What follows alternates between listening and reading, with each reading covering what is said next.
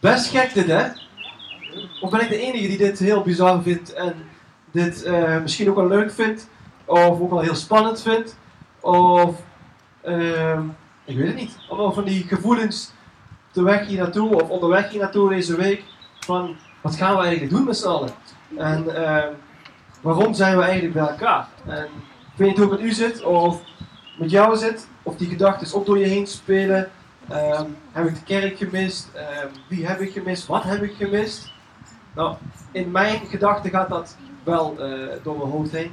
En ehm, ja, dat is heel interessant, want dan ga je, dan ga je eigenlijk onderzoeken en met God bakkeleien.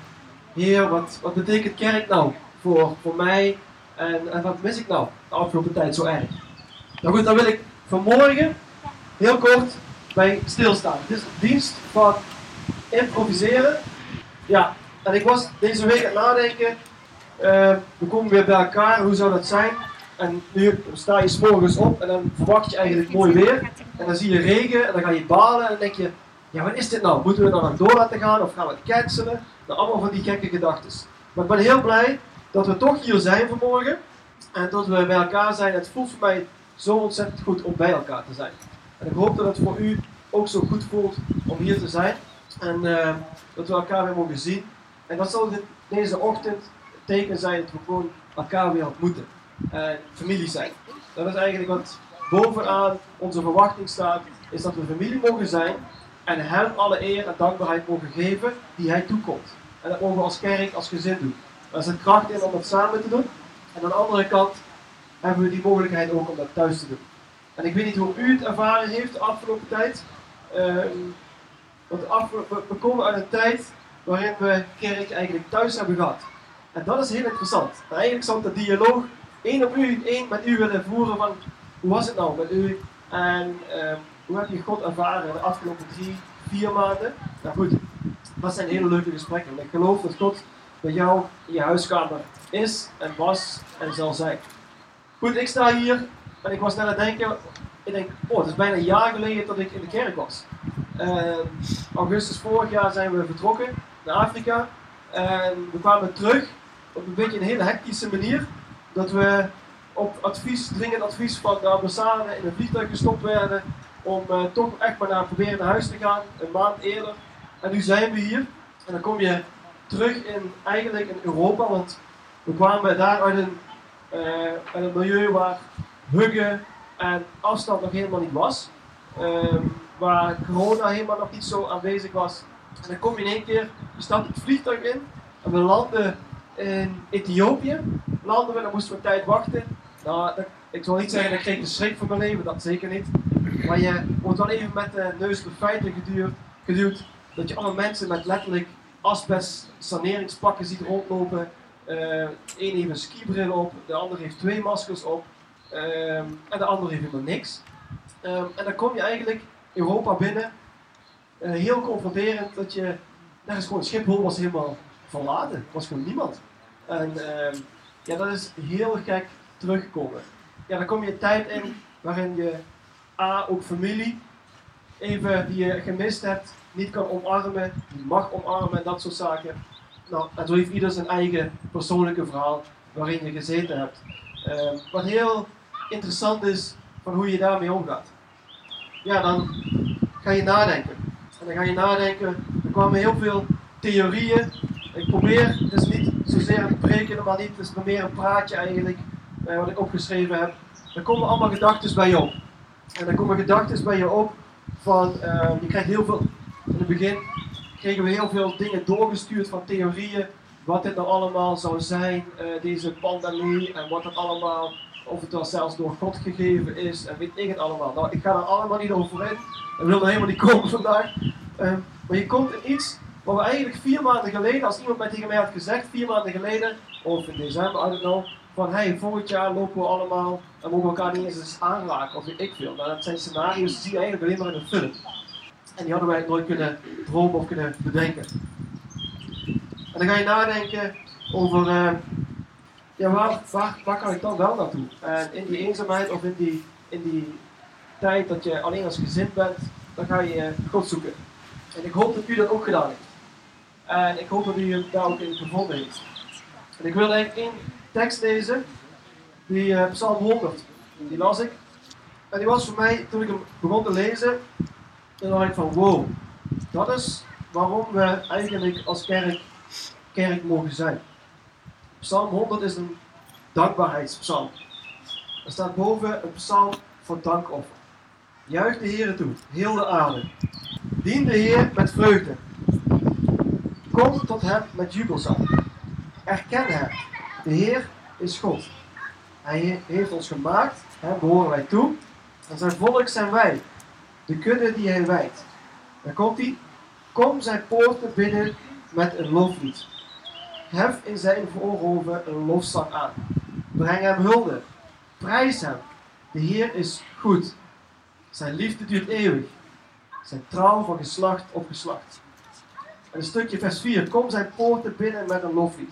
En ik zag dat zo letterlijk binnen, dat beeld zo van, we komen bij elkaar om dankbaar te zijn. En allereerst hier vanmorgen, de zondagen, de momenten dat we bij elkaar komen, dat we met een dankbaar hart bij elkaar mogen komen. En als ik mag dromen over kerk, dan is het dat we hier bij elkaar komen en dat we mogen delen naar elkaar. Hey, waar ben jij dankbaar voor?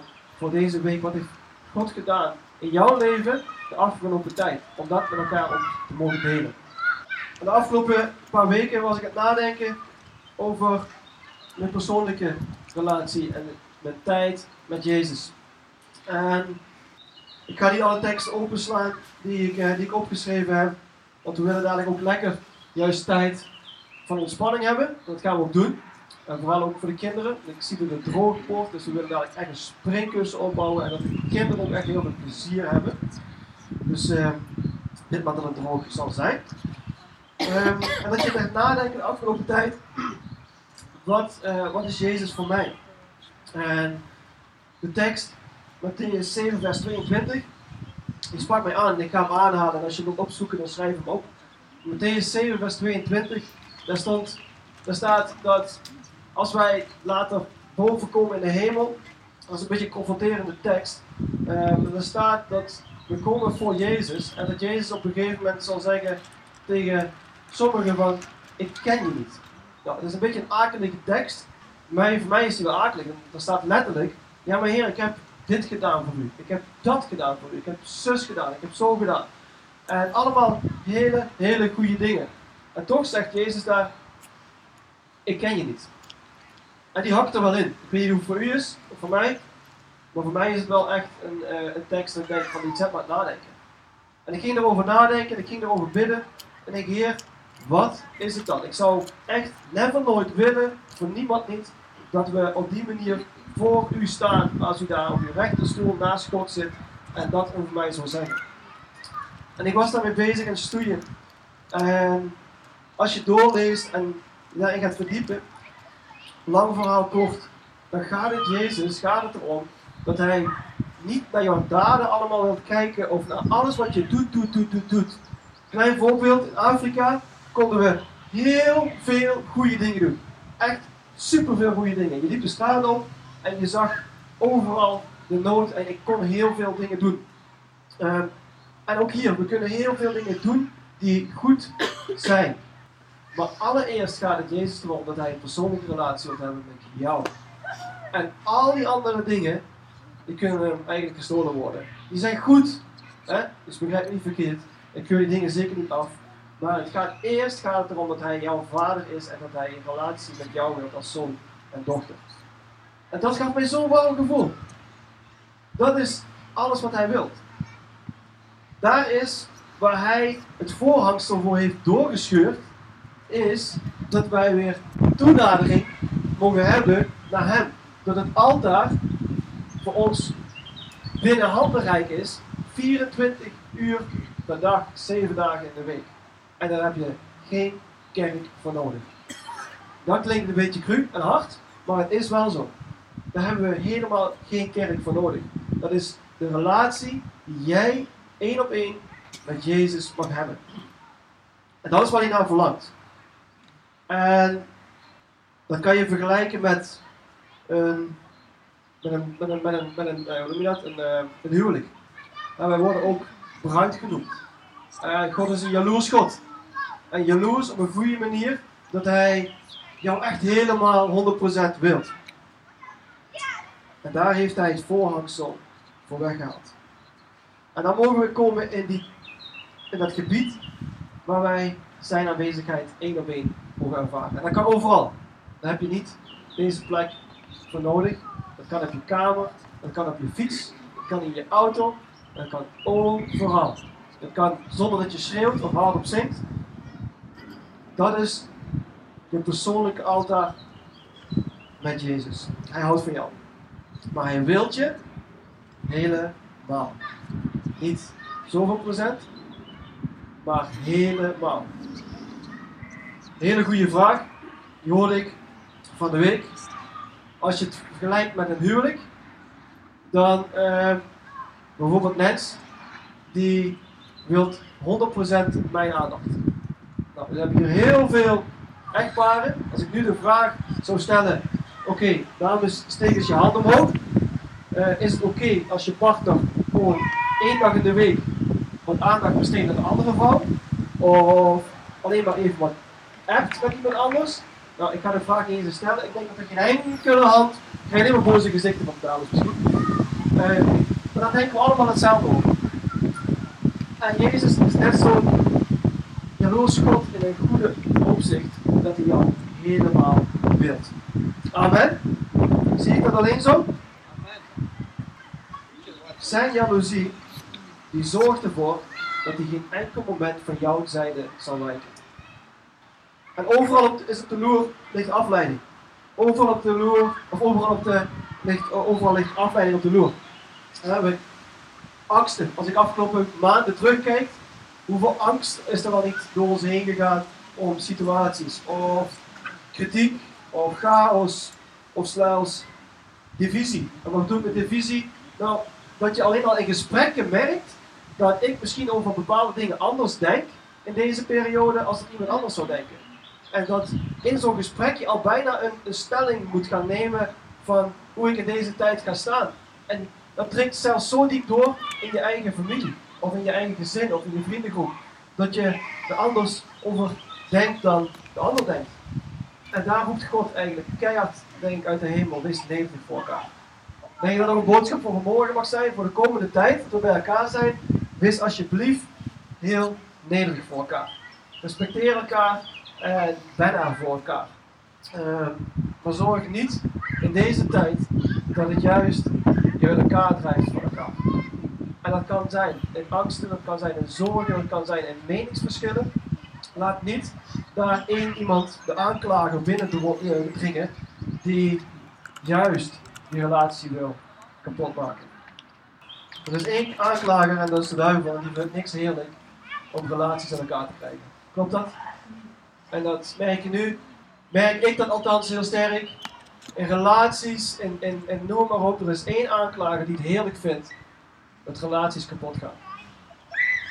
Dat is één ding wat wij willen, is dat dat niet binnendringt in onze kerk, in jullie gezin, in jouw huishouden.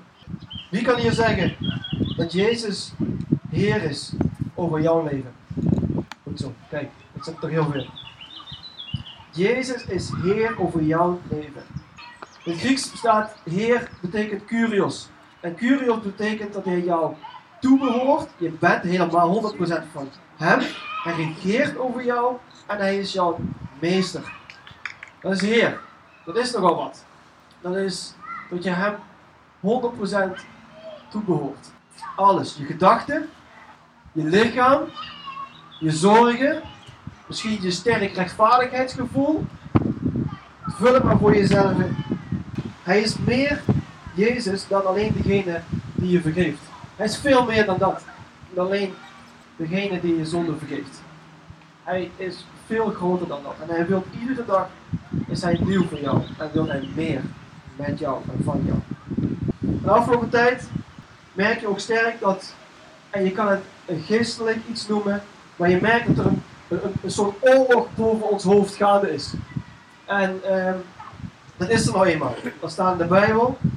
Maar weet je hoe super vet is? Is dat die overwinning al behaald is. En dat hij zelfs zo'n super goede God is. Dat hij zijn eigen kinderen, jou en mij, bovenop die overwinning laat staan en die overwinning laat zegevieren. En dat mogen wij doen. Dus focussen we, ons op die, op, die, op die oorlog en die onrust daarin, of focussen we ons op de overwinning die al behaald is en waar wij op mogen gaan staan? Waar is jouw altaar? Waar is jouw altaar? Als je de kerk gemist hebt de afgelopen uh, paar weken, dan, uh, dan, uh, ja, dan ga, je, ga je nadenken, waarom heb ik de kerk zo gemist? En ik vulde deze in. Heb ik de kerk nou gemist omdat dat de enige plek is waar ik God ontmoet? Is dat de reden waarom ik de kerk zo hard gemist heb? En ik weet dat misschien velen van u het antwoord zal zijn nee. Maar ik wil iets neerleggen bij je. Als er een ja is en je voelt in je onderbuik dat je de kerk gemist hebt de afgelopen tijd, omdat je God gemist hebt, dan wil ik je persoonlijk uitdagen om dit op in je op te nemen. Is je altaar, is dat hier in de kerk, of is de altaar op de plek, vul hem maar in, thuis, waar hij je persoonlijk wil ontmoeten? En het antwoord is eigenlijk het laatste.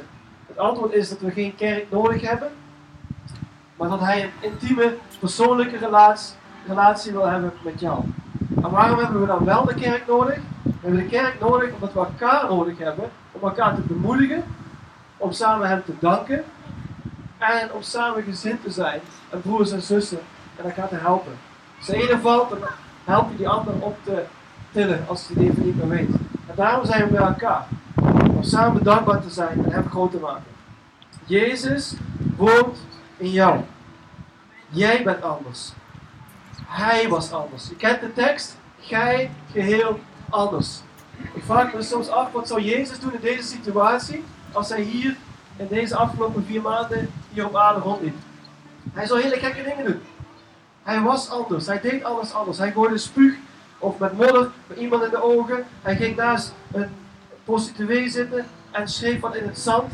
Hij deed alles anders dan dat we misschien gewend zijn. En die Jezus, die woont in jouw hart. Die Jezus, die wil in deze tijd super dicht bij jou zijn.